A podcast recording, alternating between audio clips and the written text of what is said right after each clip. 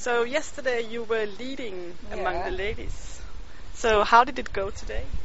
Today it was not such a good day, but you can't play good every day, and so I just take it. And it was good fun with the girls, and we like to meet each other, and so it's good.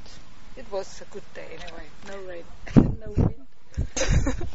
what are your expectations for tomorrow then? I try to take the day as it comes, and each hole stroke by stroke, and so on. we'll see. I don't expect anything. And um, how are you going to prepare for tomorrow? Anything special you would like to do? Not too much beer, nice food, and I enjoy my evening, and then it's good. So what do you think about Bornholm so far? Bornholm, I, I'm very surprised. It's a really a nice island, and we came over Copenhagen, and I've never been to the north till yet, so it was a good experience.